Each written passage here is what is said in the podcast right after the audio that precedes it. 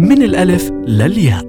في من الألف للياء لليوم بدنا نحكي عن قديش البنات اللي عندهم إعاقة حركية بيعانوا من المواصلات. فمجرد ما يشوف السواق بنت قاعدة على كرسي متحرك بيعدي عنها رغم إنه ممكن يكون معه وسع ويقدر يستوعبها. ليش يا سواق بتعمل هيك؟ أصله لأنه بتغلب وبتاخد معي وقت وأنا بركبها.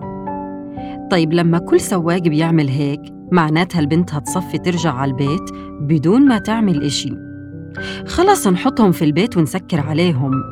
وبدل ما هم بإعاقة ومتصالحين معها كمان بأمراض نفسية وضغط وسكر. على فكرة أنا كتير بحترم السواق اللي عنده أخلاق عالية وبكل أدب بنزل وبساعدها وبحط كرسيها المتحرك في الشنطة وبوصلها لباب المكان اللي رايحة عليه. ومن الألف للياء إحنا محتاجين موائمة لقلوبنا وتفكيرنا في التعامل مع النساء ذوات الإعاقة قبل ما نوائم الأماكن. لأنه كيف بدك تروحي لمكانك الموائم إلك وما لقيت الوسيلة اللي تروحي من خلالها عليه؟